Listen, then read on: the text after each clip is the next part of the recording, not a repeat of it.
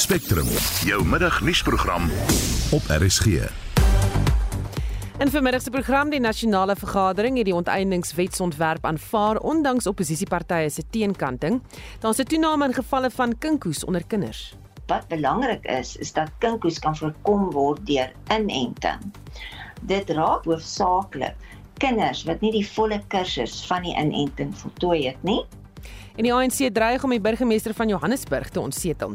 Welkom by Spectrum onder redaksie van John Estreisen en die produksieregisseur is Daitrin Godfrey en ek is Susan Paxton. Daar is geen verkeer. In Gauteng in Johannesburg op die N12 Wes net na die Edenvale weg staan daar 'n voertuig in die linkerbaan. Wees versigtig en dan op die N1 Suid net na Nieuweg staan daar 'n voertuig en die regterbaan is versper in KwaZulu-Natal op die N3 Wes net na die Pieter Brown weg afrit staan daar 'n voertuig in die noodbaan. Verwag vertragings. Op die N3 Wes net na die Ashburton wisselaar is daar 'n botsing en slegs die linkerbaan is bruikbaar. As jy enige ander verkeersnuus het stuur 'n SMS na 45889 teen R1.50 en begin die boodskap met die woord verkeer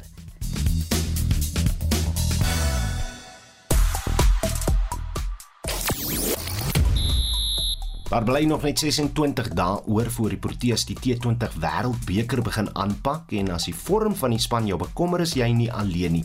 Die semifinaal van die MTN8 sal sokker liefhebbers in sy greep hê die naweek met die titaniese stryd tussen Pirates en Sundowns, die groot trekpleister en môre merk die einde van 'n era vir aanhangers van die sportvideospeletjie FIFA. 'n Volledige bulletin volg net na 12:30. Op Twitter stroom huldeblyke in vir die man wat Gangsters Paradise in die lewe gebring het. Die hitsmerk RIP Coolio is een van die gewildes daar en word ook gegons oor vlak 15 beerdkrag. Dit nou nadat Eskom se bestuurshoof Andre de Ruyter gesê het dat die vlak geïmplementeer sal moet word indien die kragvoorsiener onmiddellik moet voldoen aan die minimum vereistes vir koolstofemissies. Ehm um, so dis nie vir ons nou dadelike bedreiging nie, maar mense is bitterlik ontstel. Tweets hieroor. Stage 15 is when we get arrested for having candles in the house.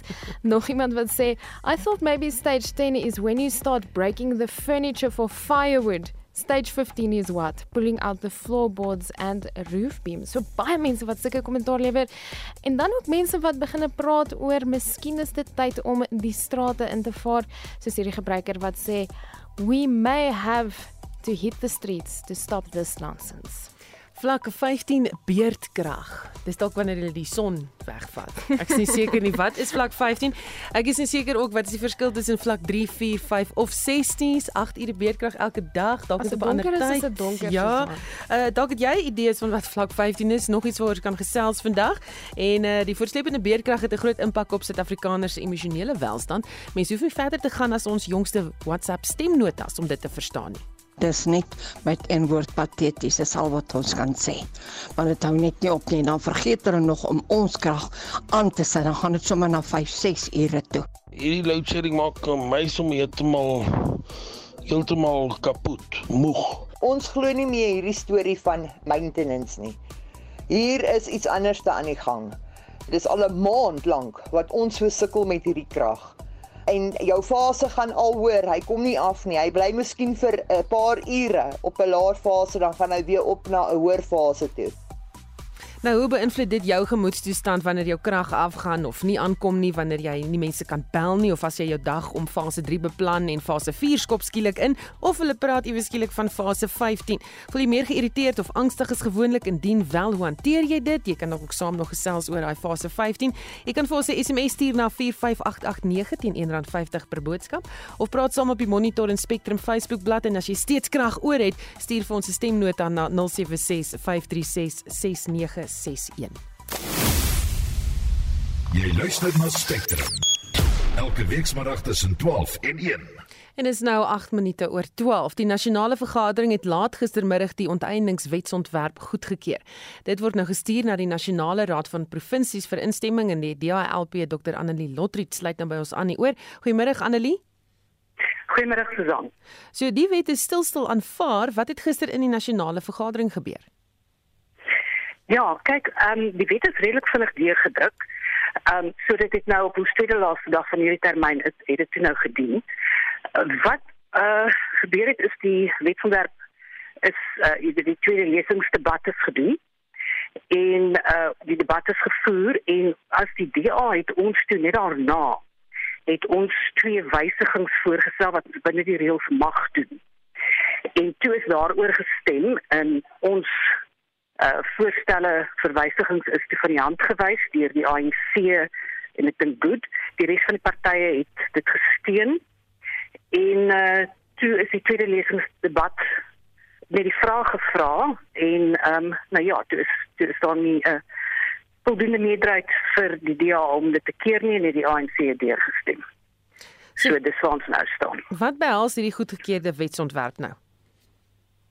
Maar dis 'n verskeidenheid goed. Kyk, ek dink mens moet ook verstaan dat ehm um, daar was nog altyd 'n onteieningswet. Uh die wet van 75. So onteiening is nodig in sekere omstandighede vir die regering om sy werk te doen vir munisipaliteite en so meer weet jy sy damme bou, bou so aan. So dit gaan daaroor ook, maar wat ons bekommer met hierdie wetsontwerp of wat nou amper wet is, is die feit dat dit ook gaan oor grond en die onteiening van grond met nul vergoeding. Dis die groot, dit is die tamaletjie want wat eintlik gebeur het is dat Onthou verlede jaar was artikel 25 van die grondwet het toe nou nie deurgegaan nie. Ehm um, maar wat nou met hierdie wet gedoen is is dat dit is nou so by die agterdeur ingesmok. So dit wat die ANC wou gehad het met artikel 25 is nou in hierdie wet vervat. So dit is die die, die knelpunte vir ons is die hele kwessie van onteiening met nul vergoeding, maar ook dat dit eintlik half aan die ehm um, besluit van 'n minister oorgelaat word om te besluit wat die omstandighede is wanneer daar onteiening kan wees en wanneer daar nul vergoeding is.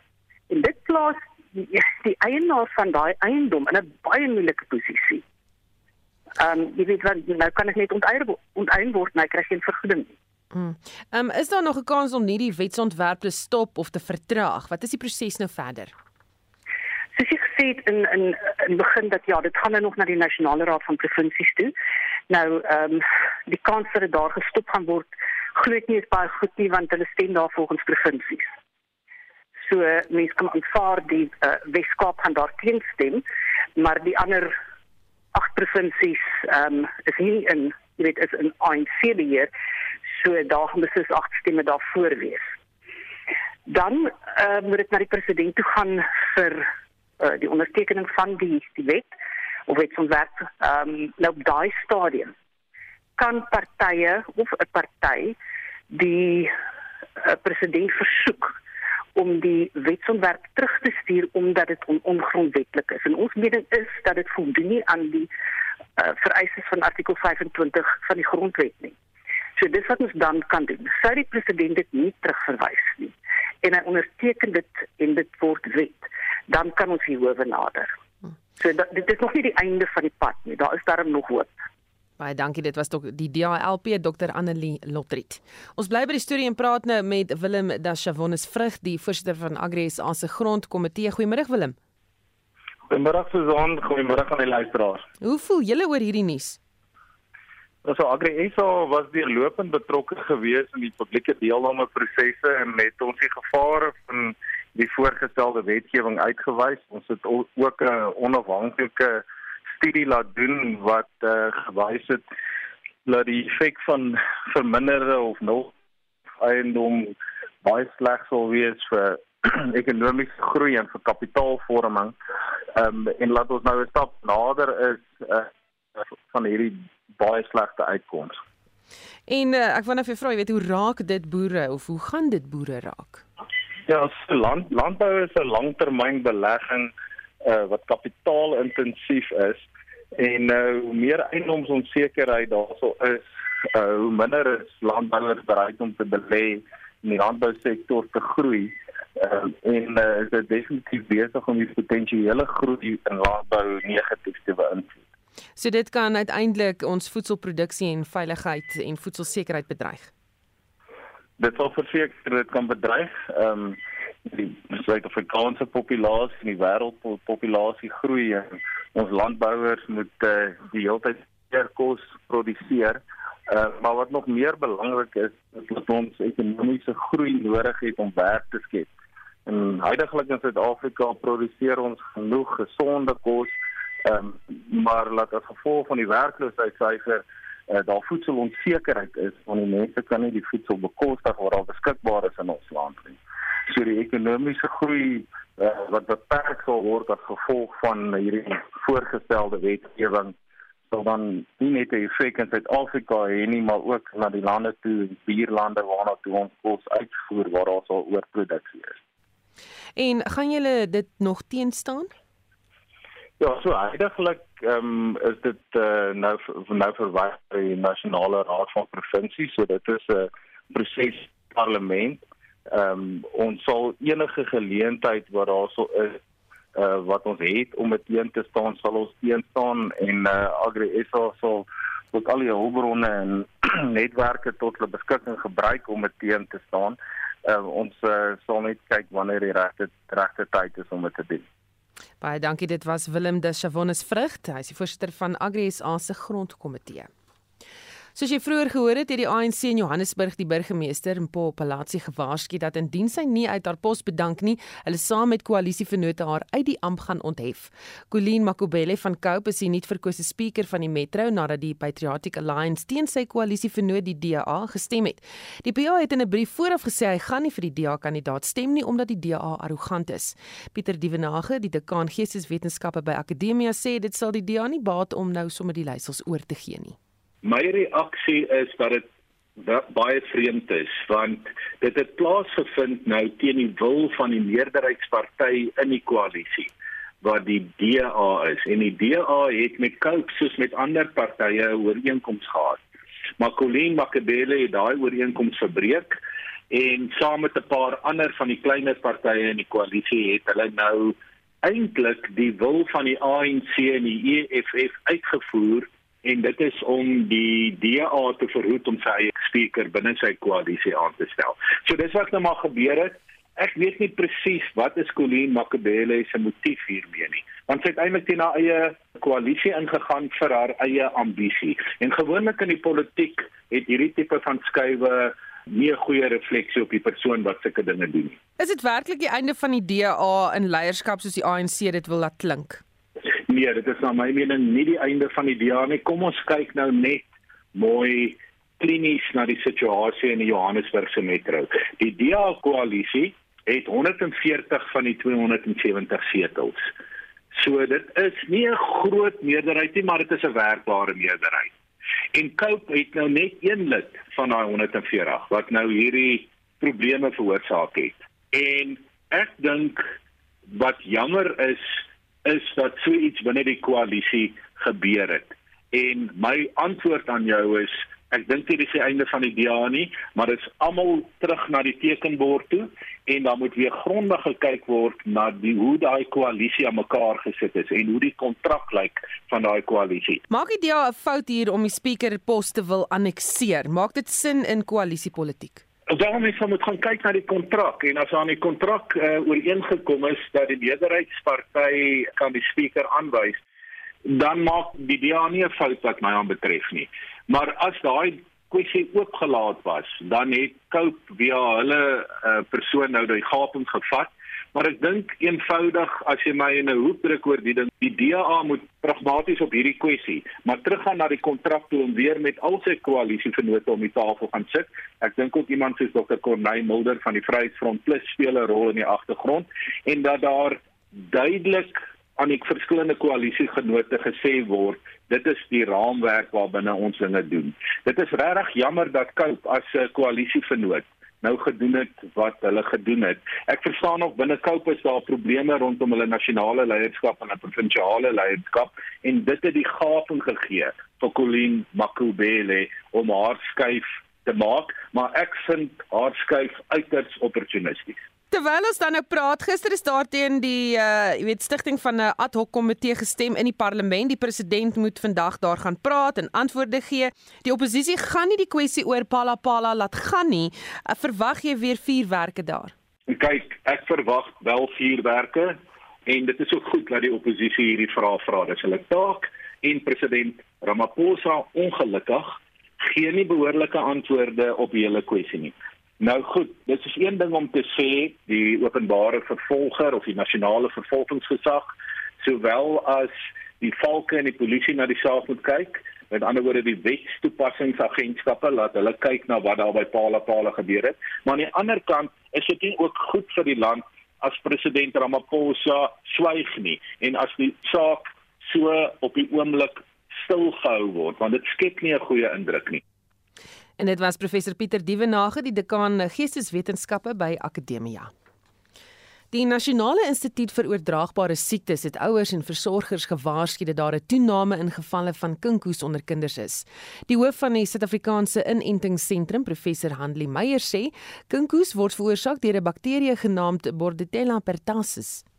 Kinkoes versprei van persoon tot persoon wat 'n noue kontak is. So wanneer die besmette persoon dan hoes en nies en iemand wat dan kwesbaar is vir die infeksie, asem die bakterie in. Wat dan ook belangrik is om te weet is dat babas jonger as 6 maande oud is die meeste geneig om dan komplikasies te ontwikkel en dan veral jong babas om dan aan kinkoes te sterf sou dit dan opdoen. Hoe oordraagbaar of aansteeklik is kinkoes? Dis 'n baie aansteeklike hoogs aansteeklike siekte. En dit is dan ook hoekom die NICD weet hulle monitor gevalle. So wanneer daar 'n geval voorkom moet dit aangemeld word.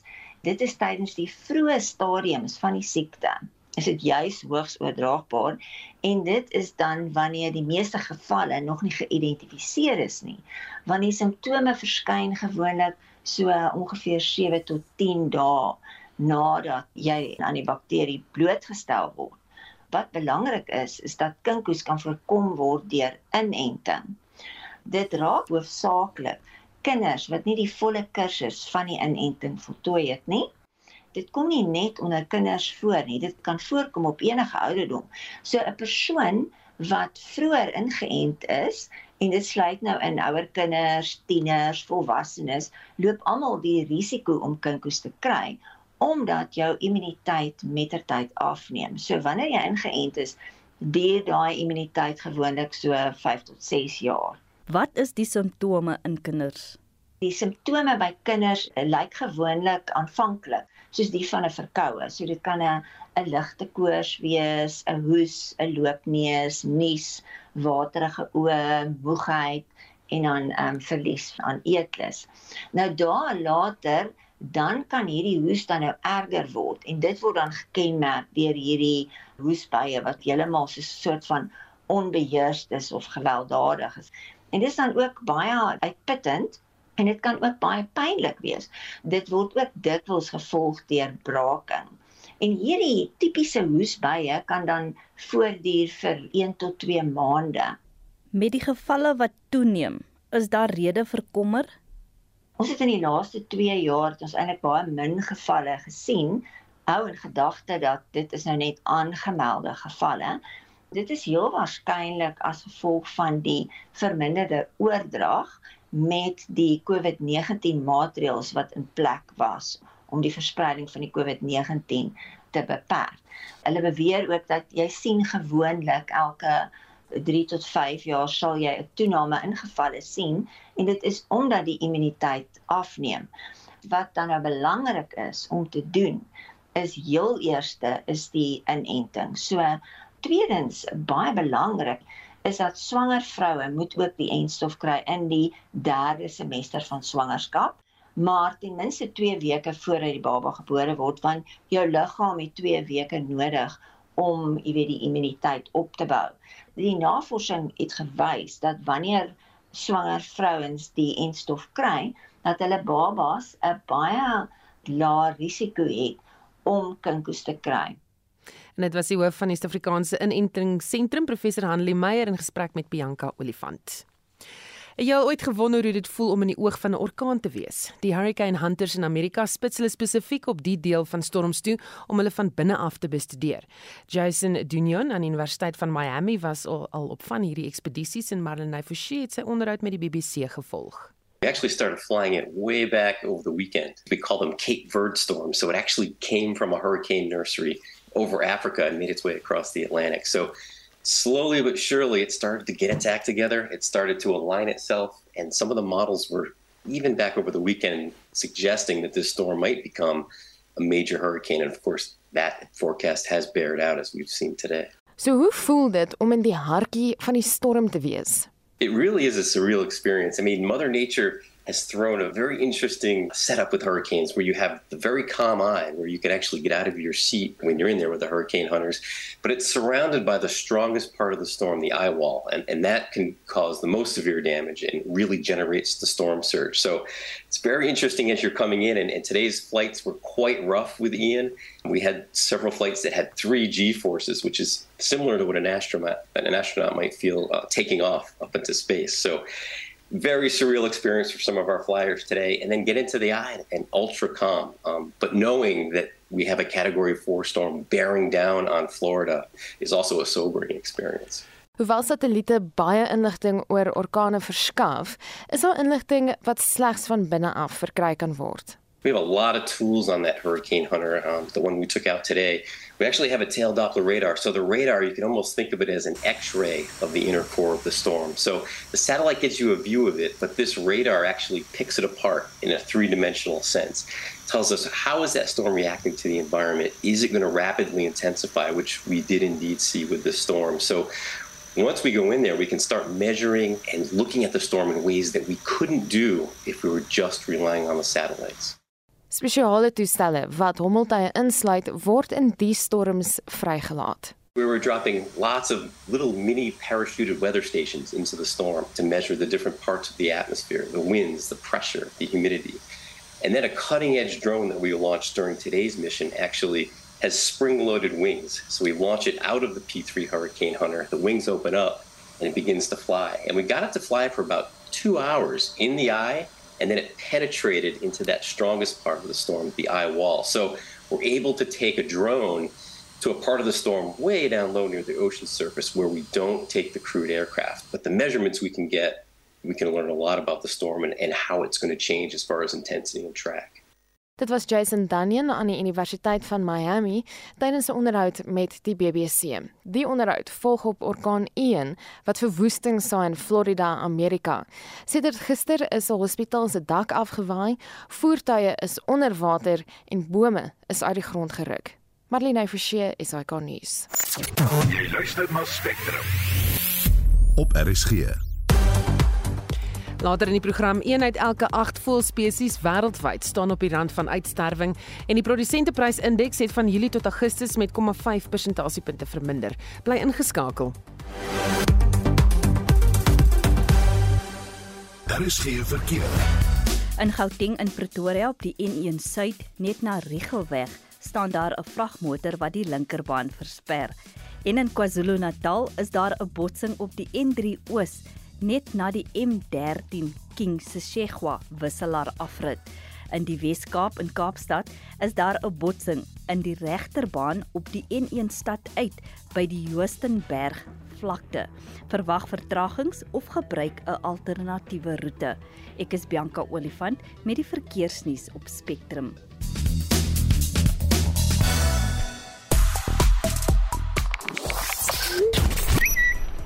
Stage 15, what exactly does that mean? Dit is 'n tweet wat Tapo gestuur het op Twitter so rukkie terug. Sy het 20 vraagtekens daarbey gesit. Stage 15 is tweede op die lys van gewilde onderwerp op Twitter op hierdie oomblik en huldeblyke stroom in na die dood van die kletsrymer Coolio wat veral bekend is vir sy treffer Gangsters Paradise.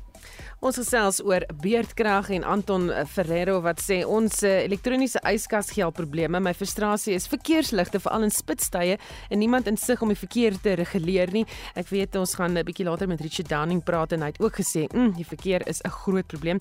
Dan Gerda Wessels wat sê wel hulle studie ekonomie oor die afgrond en Tarina Potgieter wat 'n interessante probleem ontwikkel. Sy sê, wat kan mense doen? Jy kan nou nie kwaad word nie, gaan niks in die situasie ehm um, weet doen nie behalwe dat jy opgewek of omgekrap word. Ek vat dit maar soos dit kom en probeer maar die beste daarvan maak, maar wat vir my wel erg is is wanneer dit afgaan in die aande, veral in die aande, dan is ek wakker. Ek kan nie slaap nie of ek slaap onsaglik sleg en vir die volgende 2 ure en soms gaan dit twee kere aand af, dan sy sy nou wakker sê sy.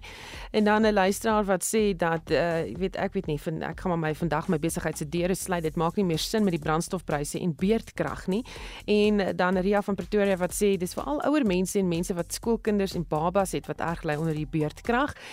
En dan sê nog iemand wat sê hulle wil ons verby moedeloosheid hê uh, want hulle kry nie genoeg van die idee van kernkrag en of van Mantashe se idee van kernkrag nie en al sy praatjies nie. Dis 'n hele geboelery sê hierdie persoon. Jy kan steeds saamgesels daaroor as jy idees het oor wat hierdie uh, fase 15 is, dan kan jy dit dalk ook met ons deel. Miskien is dit die beste om uh, te lag in hierdie situasie.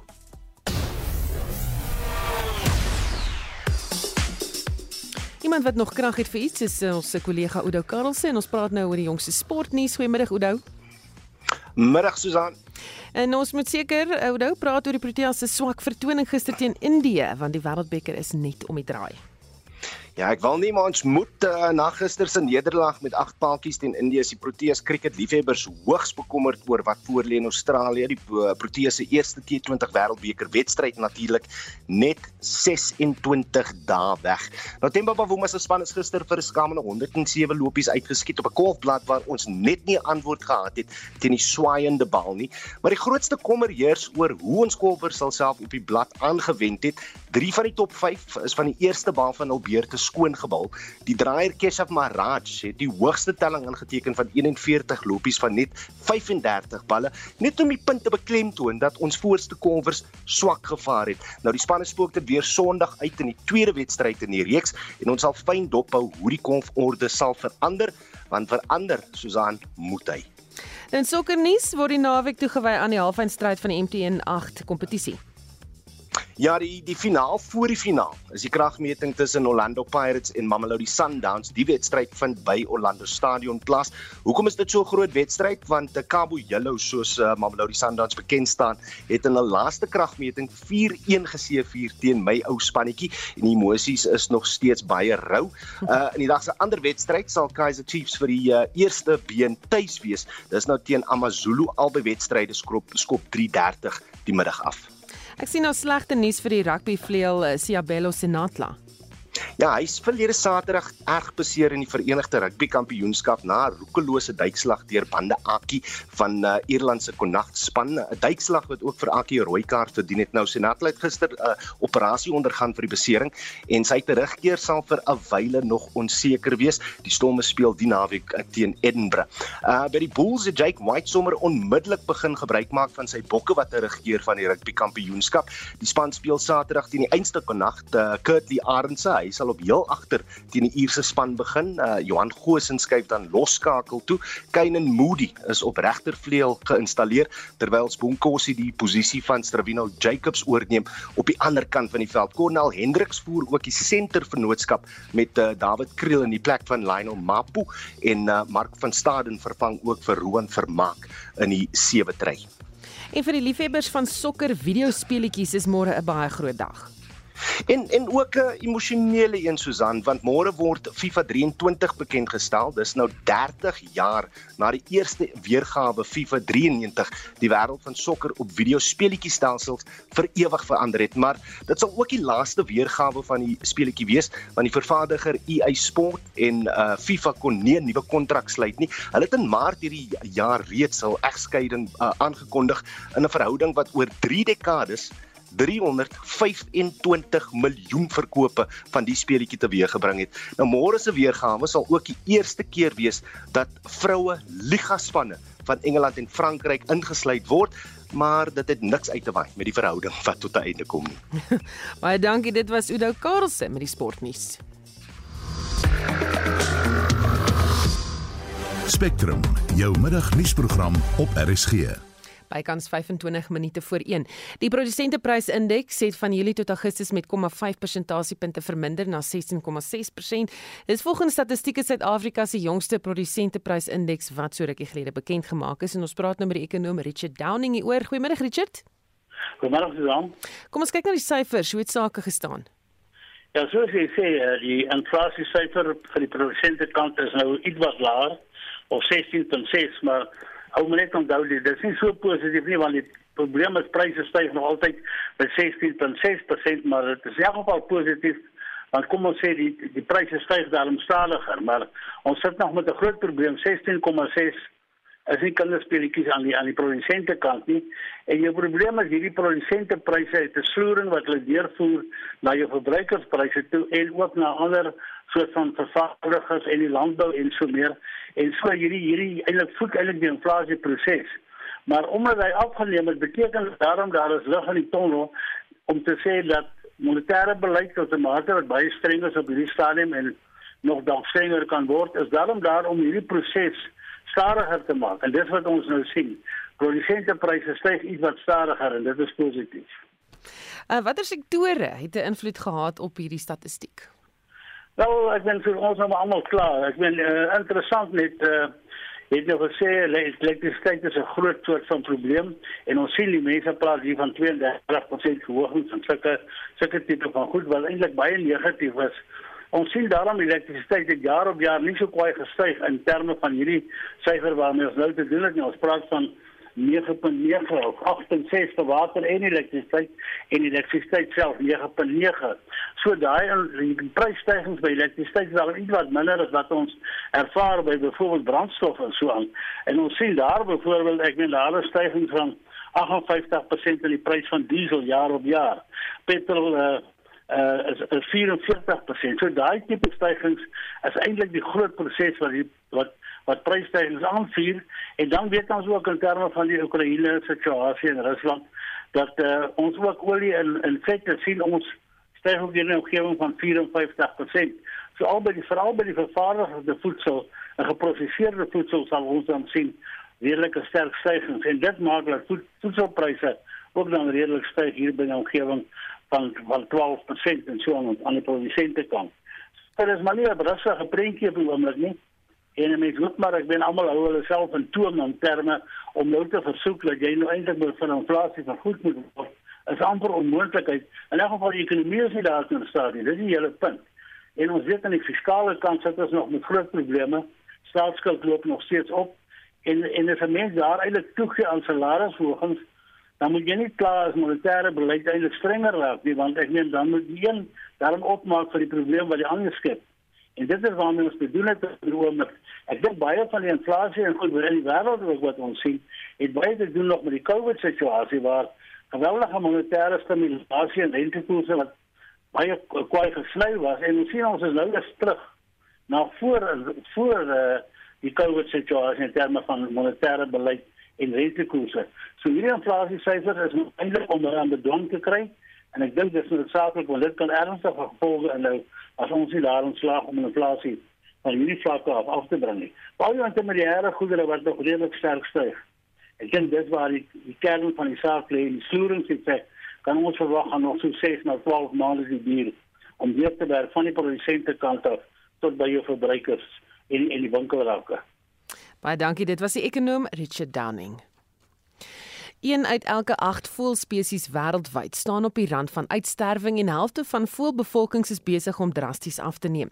En dit is alles te danke aan onverskillige optrede deur die mens. Dit is volgens die jongste staat van voëlsverslag wat pas uh, vrygestel is. Die verslag word elke 4 jaar gepubliseer en is deur BirdLife Internasionaal bekend gemaak. Ons praat met Andre Botha van die Trust vir Bedreigde Natuurlewe hier. Oor goeiemiddag Andre. Uh, ek sê dan. Is hierdie 'n bangmaak storie, iets wat van oordrywing of die werklike prentjie? Ek is bevrees dis glad nie 'n bangmaak storie nie, dis uh, 'n uh, baie goeie weerspieëling van die realiteit wat ons daar buite kan sien in terme van van die breë spektrum van voëlspesies en ek dink die die meer kommerwekkende gedeelte daarvan uh, van hierdie verslag is dat dit uh, ook uh, stelling maak dat selfs van die meer algemene voëls wat ek dink mense baie dikwels om hulle sien is besig om af te neem in getalle uh so daar daar werklik rede tot kommer. Ja, ek wonder of jy vra watter tipe voels is dit? Maar ja, ek ek dink baie mense is meer vertroud met uh, ons praat redelik gereeld oor oor bedreigde spesies. Ehm um, ek dink dis ek nou redelik nou met aasvoels en sekere roofvoels en so aan, maar in hierdie geval uh weet praat hulle van uh, die die verslag fokus op alle voelspesies wêreldwyd. So uh, dit as hulle praat van van hierdie afname en en weet spesifiek uh, noem hulle dat selfs van die meer algemene voëls ook aan die afneem, dink ek daar's regtig rede tot kommer en uit die aard van die saak is daar verskeidenheid faktore wat 'n rol speel speel hierso uh in in in hierdie tipe van van afnames wat ons sien. Uh selfs in in voëls wat ek dink baie mense selfs hier in Suid-Afrika uh weet dat hulle as redelik algemeen sou beskou. Dit mense wat byvoorbeeld Kalahari toe gaan en uh, en kreef altyd toe gaan wat byvoorbeeld kyk na uh, geelberg neushoorn voël wat 'n wat 'n relatiewe algemene voël is en wat ons op die oomblik uh, na aanleiding van navorsing wat uh, in die afgelope jare gepubliseer is, is daar regtig groot kommer dat hierdie spesies byvoorbeeld in dele van die Kalahari gaan uitsterf spesifiek as gevolg van die verhoogde temperature as gevolg van klimaatsverandering wat plaasvind. So dis 'n goeie voorbeeld van 'n relatiewe algemene voël wat ook uh op hierdie stadium in in dele van sy verspreidingsgebied uh onder druk is en wat afneem en wat waarskynlik uh binne die afsienbare toekoms in sekere dele van sy verspreidingsgebied gaan verdwyn. Hmm. Die verslag verwys ook uh, veral na migrerende voëlspesies wat bedreig word. Ja, en, en ek dink dit is weet as jy dink aan die afstande wat van hierdie voëls af lê, uh ons het daar's 'n verskeidenheid van van hierdie voëls wat wat hier na Suidelike Afrika toe kom en wat juis op die oomblik of op pad is hierheen uh of wat nou reeds aangekom het van uit die noordelike halfrond maar ook van verder noord in Afrika. En baie van hierdie voëls weet uh, vlieg letterlik oor duisende kilometer oor verskeidenheid habitatte en hulle word blootgestel reg deur hierdie migrerende uh, roetes wat hulle volg word hulle blootgestel aan 'n verskeidenheid gevare. Uh, ek weet nie hoe hoeveel mense in Suid-Afrika wel daarvan bewus is nie, maar uh, een van die wesenlike uh, aspekte wat wat ons kyk in, in terme van trekvoëls is die uh doodmaak van hierdie voëls in die Mediterrane streek, beide in Noord-Afrika maar ook spesifiek in in uh, Suid-Europa word hierdie voëls uh letterlik in hulle honderdduisende elke jaar word hulle gejag uh met nette met voel en met uh voels wat geskiet word uit die lug uit en so aan. En die die gevalle van hierdie voels wat jaarliks doodgemaak word uh, tel letterlik in die honderdduisende. Uh dit dit is 'n baie direkte menslike aksie uh wat wat plaasvind en wat in 'n mate gekoppel word aan mense se tradisies en kultuur in in daardie deel van die wêreld, maar dit het definitief 'n definitiewe impak op voels. En en dieselfde tipe van bedreiging sien mense ook elders waar waar trekvoel voorkom. Uh so dit is dit is 'n voorbeeld van van hierdie faktore wat wat wel 'n wesenlike invloed het en wat ons nou sien begin om 'n sigbare afname in in gevalle te regs te bring. Andre as voels uitsterf, wat gaan gebeur? Wat se gevare? Maar ek dink 'n voels is 'n baie uh hoe kan ek sê 'n baie handige barometer vir ons in terme van die gesondheid van die omgewing waarin ons lewe op 'n dag tot dag basis. En die rede daarvoor is dat hulle wel saam met ons voorkom. Jy self in redelike digbevolkte areas, stede en so aan is dit een aspek van van van die van die natuur wat jy nog om jou sien saam met miskien van die plante groei. Dit voels en as hierdie voels begin skaars raak en selfs van die algemene voels begin agteruit gaan en in in gevalle begin afneem, dan is dit vir ons 'n baie baie kommerwekkende teken dat die dat die omgewing in die algemeen is aan die agteruitgang en dit uit die aard van die saak het wesenlike uh daar's wesenlike risiko dat ons en die die lewenskwaliteit en die lewensgehalte wat ons uh, wat ons op die oomblik nog steeds in 'n mate geniet uh, op die planeet is word bedreig en en die menslike voortbestaan van potensiaal in die langer duur ook daardie geaffekteer word. Baie dankie dit was Andre Botha van die Trust vir Bedreigde Natuurlewe. Die Amerikaanse adjunkpresident Kamala Harris se besoek aan Suid-Korea is vooruitgegaan deur die afvuur van twee kortafstand ballistiese missiele vanuit Noord-Korea. Vir meer hieroor praat ons met Roland Henwood, 'n politieke ontleder aan die Universiteit van Pretoria. Goeiemôre Roland. Lyk my sy lyn het daar geval. Ons gaan vir hom 'n kans gee en kyk of hulle hom gou-gou kan terugkry. Roland, is jy daar? Ek is hier, ek hoor jou Susan, goeiemiddag. Daar sê, wat wil Harris bereik met haar besoek aan Suid-Korea? Haar besoek is deel van 'n besoek wat sy aan die streek bring en dis maar 'n bevestiging van die belangrikheid van die streek, die groeiende belangrikheid en dan ook die bondgenootskappe met Japan en veral met Suid-Korea. Ehm um, die FSA is die belangrikste borg as ek dit so kan stel van Suid-Korea se veiligheid. So hulle het 'n redelike groot rol om te speel, 'n historiese rol om Suid-Korea se onafhanklikheid maar ook die strategiese belang van Suid-Korea te beskerm teen die noorde en teen die Chinese uitbreiding wat hulle as 'n groot bedreiging in die streek sien. Is die afvuur van hierdie missiele in reaksie op haar besoek? Wat was die doel? Ek dink dit is waarskynlik 'n reaksie wat dalk meer toevallig is as wat dit beplan is want Noord-Korea het die afgelope jaar meer missieltoetse gedoen as ooit voorheen. So dis 'n patroon wat al vroeg in die jaar begin het. Ehm um, dalk is dit toevallig of dalk is dit nou iets maar dit is nie uitsonderlik net omdat sy nou daar is nie. Dis deel van 'n patroon en dan is daar ook al meer tekens dat Noord-Korea weer 'n kerntoets gaan doen. En die missieltoetse is gewoonlik hou dit verband met die voorbereiding van die kerntoetse wat hulle doen. So die feit dat sy nou daar is, dink ek gee meer publisiteit aan dit en skep die indruk dat dit dalk gekoördineerd is, maar ek dink dit is noodwendig so nie. So dit is teen die VN se regulasies wat nou, is daar enige gevolge vir Noord-Korea? Daar is gevolge. Noord-Korea sal van 2006 af onder baie streng sanksies wat deur die Veiligheidsraad ingestel is, met ander woorde dit's afdwingbaar en verpligte sanksies.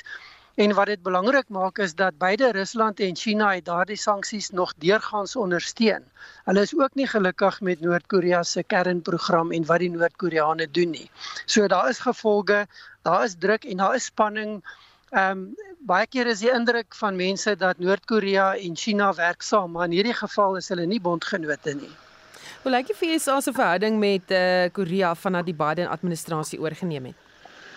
Dit is nog steeds 'n baie sterk en hegte verhouding. Wat verander het is dat daar nie meer die beeld gebou word van die president wat 'n besondere verhouding met Noord-Korea het nie, soos wat Trump probeer voorhou het nie. En dit het natuurlik die verhoudinge met Noord-Korea bietjie meer gespanne gemaak. Daar's ook 'n nuwe leierskap in Suid-Korea wat baie meer uitgesproke is en baie meer bereid is om op te staan teen Noord-Korea. En dit maak die bondgenootskap met Biden baie belangrik met die FSA. Ehm um, en dat daai boodskap moet deurgaan dat hulle nog steeds regte bondgenote is. Baie dankie dit van Roland Henwood, 'n politieke ontleder aan Universiteit van Pretoria. 'n Wynversameling van 'n wingerd wat in 1975 aangeplant is, is onlangs weer bekend gestel. Die bemarkingsbestuurder van die Vrede Wynreeks, Rolof Stol, sê die Winde Klassiek reeks word ook nog vir 'n verdere 20 tot 25 jaar verouderd. Ons is baie trots op een van die plase wat van ons wyne afkry, die plaas genaamd Skoonheid in die Polkadra Heuwels area.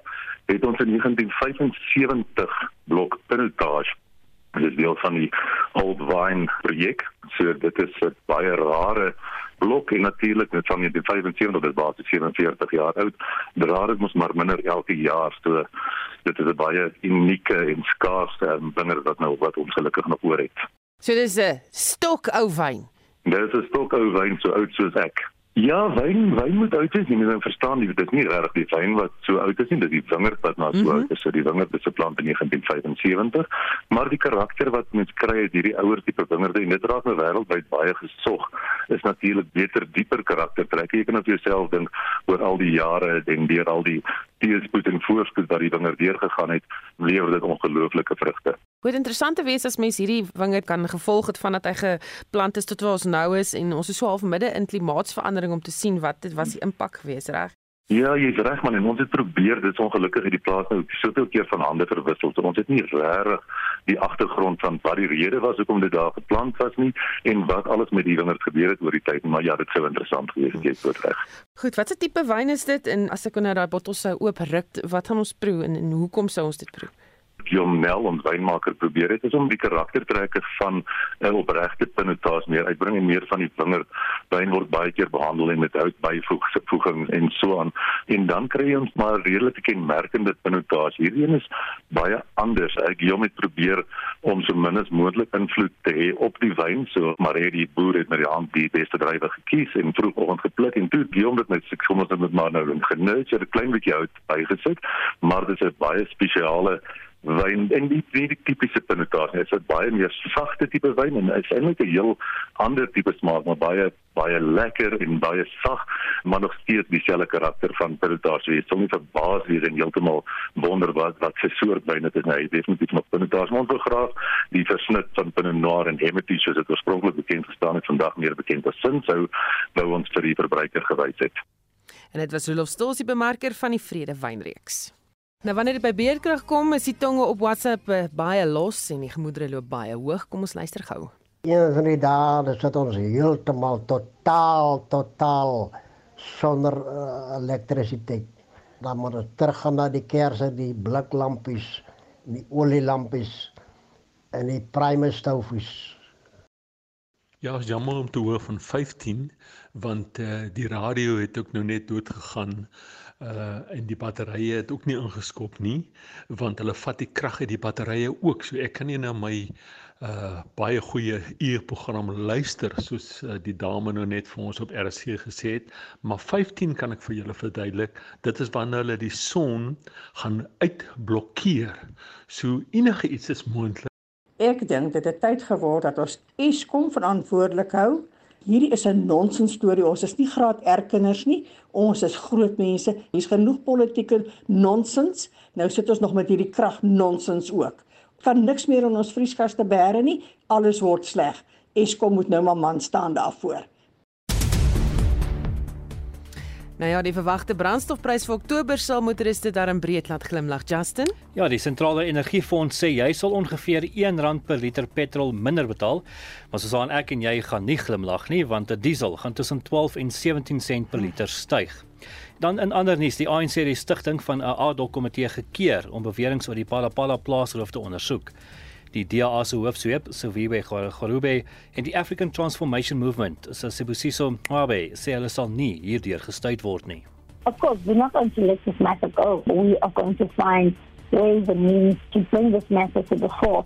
The ANC is not interested in making Parliament work. It's very disappointing that the ANC will use its majority in Parliament to shield uh, criminality, to protect a president who should be taking the nation along.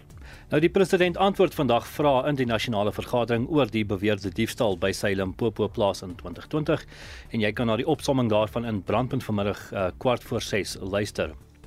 Dan die tiener wat in hegtenis geneem is in verband met die moord op 'n Kaapstadse landros, Romei van Rooyen, is die oorledene se neefie. Die 18-jarige Cassidy Hartzenberg het vanoggend vlugtig in die Simonstad landroshof verskyn. Ons verslaggewer Kobben August was daar. Die staat het die uitstel gevra tydens vandag se hofverrigtinge omdat hy nie genoeg inligting het om 'n borgtog aansoek te hanteer nie. Die staat sê ook hy het 'n prima facie saak teen die beskuldigde. Die saak is tot die 6de Oktober uitgestel vir borgtog. Ons hoofstorie vir middag, die goedkeuring van die onteieningswetsontwerp het 'n ewige debat ontketen. Hier is wat die DA se Annelie Lotriet en Agri SA se Willem Dachavon vrug oor die onderwerp gesê het. Die wet is redelik vinnig deurgedruk. Ons bekommer met hierdie wetsontwerp is die feit dat dit ook gaan oor grond en die onteiening van grond met nul vergoeding. En dit plaas die eienaar van daai eiendom in 'n baie moeilike posisie. Landbou is 'n langtermyn belegging en uh, hoe meer eiendomsonsekerheid daarso is, uh, hoe minder is landbouers bereid om te belê in die landbousektor te groei, is dit definitief besig om die potensiële groei in landbou negatief te beïnvloed. En Landros Leyland Moonsamy lewer nog uitspraak in die aanrandingssaak uh, teen die EFF leier Julius Malema en die EFF parlementslid Mbuyiseni Ndlozi. Nou die twee is in die Randburgse hof uh, Landros hof daarvan aangekla dat hulle in 2018 vir luitenant-kolonel Johannes Venter aangerand het toe hy verhoed het dat hulle by die Volwys gedenkpark inry vir die begrafnis van die struggle veteraan Winnie Madikizela Mandela. Dit was Justin met 'n opsomming van die nuushooftrekke. Baie dankie dat jy saamgesels het vanmiddag. Iemand wat sê dat fase 15 is wanneer hulle suksesvol die rokers se vuurhoutjies en aanstekers wegvat en hulle ophou suur is daaroor. Justin is van mening dat die fase 15 is wanneer hulle die kragkabels dan nou uit jou mure uitkom maar dan hoef jy nie krag te hê of te kan gebruik nie. So ons 'n uh, bietjie lag oor hierdie uh, situasie, benarde donker situasie waarin ons sit. Hier's 'n luisteraar wat uh, reageer op 'n ander storie waar ons gepraat het en dis natuurlik die voëls. Uh sy's Elka en sy sê ry maar deur die oorgrenspark tussen Suid-Afrika en Mosambiek. Jy sien of hoor geen voëls nie. Nou ja, baie dankie dat jy saamgesels het vandag. Onthou vir brandpunt vanmiddag. Ons het dan ons uitvoerende regisseur Nicoline de Wet, die redakteur Jan Estreisen, produksieregisseur Daitrin Godfrey. My naam is Susan Paxton. Bly ingeskakel vir 360.